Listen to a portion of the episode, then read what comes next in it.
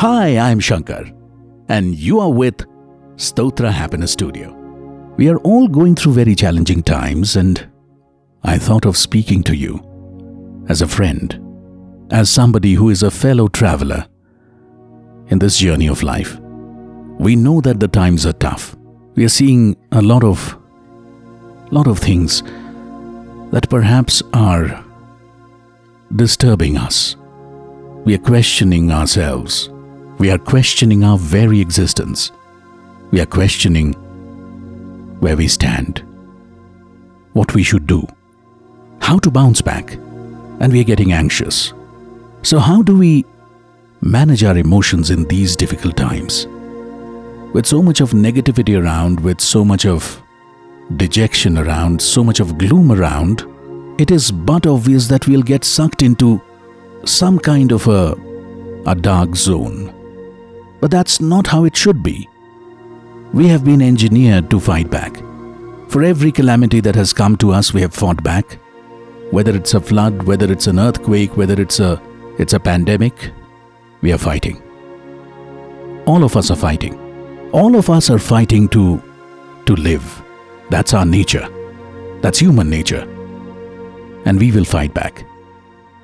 We will fight back and give each other strength. We will be with each other this is our collective journey. This is our collective fight. And soon, we will come out winners. When such disturbing circumstances surround us, overpower us, we need to strengthen ourselves. I know it's difficult. I know it's, it's easier said than done. But what is the mind not capable of doing? If the mind can travel from one place to another in seconds, if the mind can imagine the most unthinkable, the most audacious of, of ideas, why can't the mind win over what's controlling us? And meditation is just the lock gate that will prevent any external force from controlling our lives. As always, just find a comfortable place where you won't be disturbed. Keep your cell phone away from you. And wherever you're comfortable, relax and sit in a position that is absolutely comfortable for you.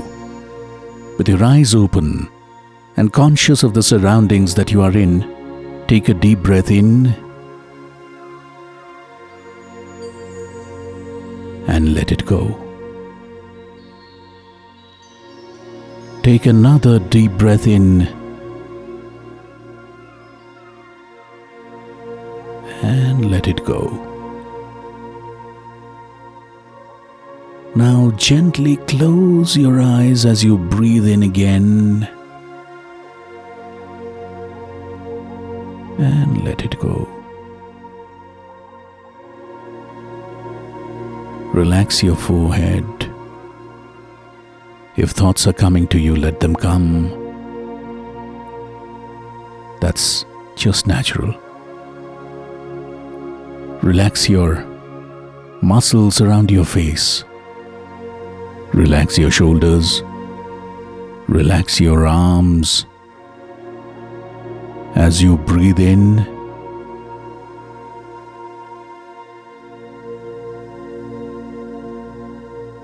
and breathe out. Come to the area around your chest and feel every breath that you take in as your chest expands as you breathe in. And contract as you breathe out. Let all good thoughts come in Think about how a lot of people in your life have been such pillars of strength for you.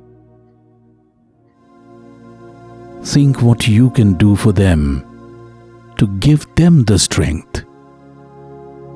It could be somebody you know, or it could be somebody you've seen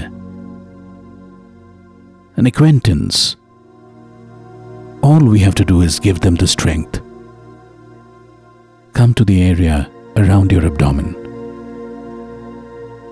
and again feel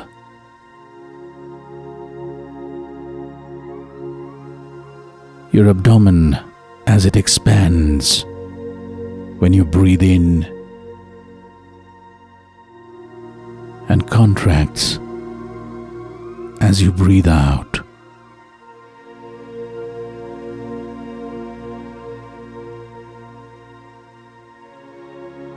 Take in as much positivity with each breath and exhale as much negativity as you can with each breath.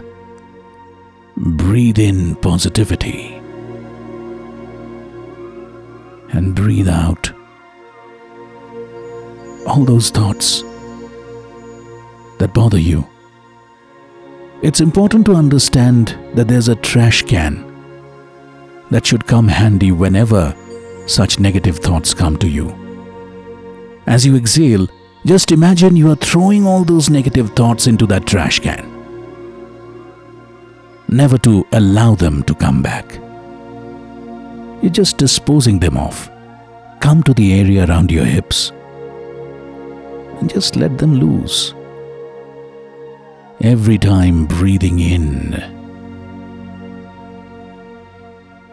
and breathing out normally in a very relaxed way. Let all the stress go. Let it go. Let it go, let it go. Come to the area around your thighs and just let go of all the stress around that area. Feel that sensation of being extremely relaxed, extremely comfortable. Come to the area around your calves and your ankle. Just let them relax. Feel any sensation as you move your toes and, and let them loose. All this while, as you have been breathing in and breathing out, just check in with your body. If there's any area that's sore, that's tensed, and let all the stress and tension from those points go. It's important for us to understand that these are times which are not normal. In fact, we are calling it the new normal. But this is not what we have been used to. It has called for us to make some changes. It's a departure from what we are used to. And the news around us is not always what we want. The more we think about it, the more negativity we are injecting. All we have to do is as they come in, we have to just close our eyes and think that this will not last forever. And the moment they arrive, we have to show them the door. Tell ourselves that the mind isn't the place where they should reside. So all those negative thoughts go into the trash can.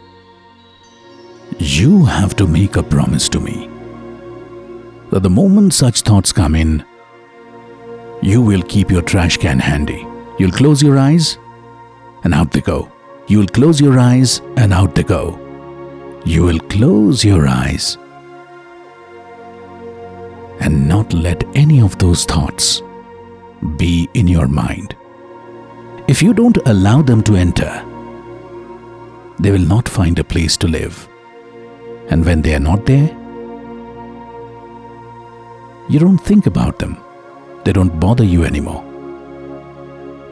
And as you get into that practice, you will find that you will get into this wonderful cycle of managing your thoughts so well that never ever these gremlins will come and bother you. With that, take another deep breath and gently breathe out. And as you take another deep breath in, gently open your eyes and come back.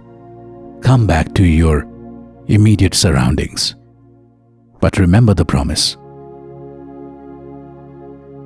But you know where those thoughts that bother you have a place. I hope you enjoyed this session as much as I did being with you. This is Shankar, and you are with Stotra Happiness Studio. Till we meet again, stay positive, because this too shall pass.